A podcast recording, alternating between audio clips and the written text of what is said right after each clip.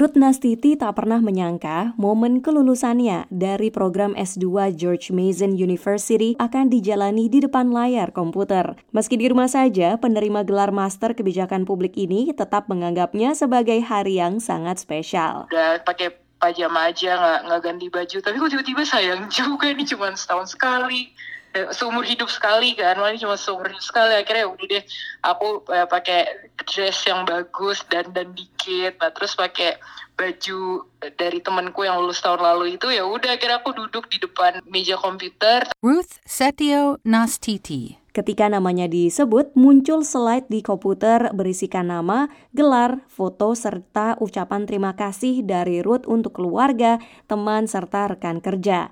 Perempuan 28 tahun ini juga menulis, COVID-19 tidak akan bertahan selamanya, tapi gelar master saya yang akan bertahan selamanya. Perasaannya tuh antara ini udah beneran lulus atau enggak ya, kayak ada yang enggak afdol. Wisuda virtual juga merupakan pengalaman tak terlupakan bagi Monik Simarmata yang baru menyelesaikan program S2 bidang energi dan lingkungan di sebuah universitas swasta di Durham, negara bagian North Carolina. Saat upacara berlangsung, orang tua dan beberapa anggota keluarga lain ikut menyaksikan dari Indonesia yang berbeda zona waktu dengan Amerika. Keluarga aku kebetulan waktu itu harus stay up late sampai jam 11 malam lah kira-kira dan selesai tengah malam. Uh, jadi beberapa orang dari keluarga besar aku ikut tune in dan yang paling touching, papa aku tuh sampai pakai baju batik padahal dia cuma nonton dari ruang tamu. Rian Rinaldi Jita, lulusan program S2 Kebijakan Pendidikan Internasional dari Vanderbilt University di Nashville, negara bagian Tennessee, juga sempat merasa kecewa karena tidak bisa berkumpul dengan teman-teman kuliah untuk merayakan kelulusan sekaligus mengucapkan selamat tinggal.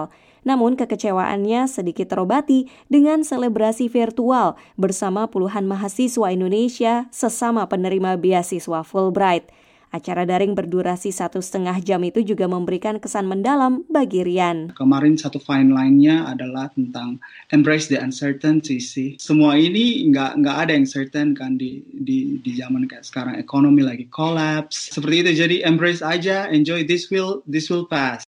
Meski upacara tatap muka dibatalkan, sederet tokoh terkenal termasuk mantan Presiden Barack Obama, atlet LeBron James, dan aktivis Malala Yousafzai mendukung dan merayakan kelulusan Class of 2020 dengan memberikan pidato kelulusan secara virtual. Dari Silver Spring, Maryland, Vina Muptadi, VOA.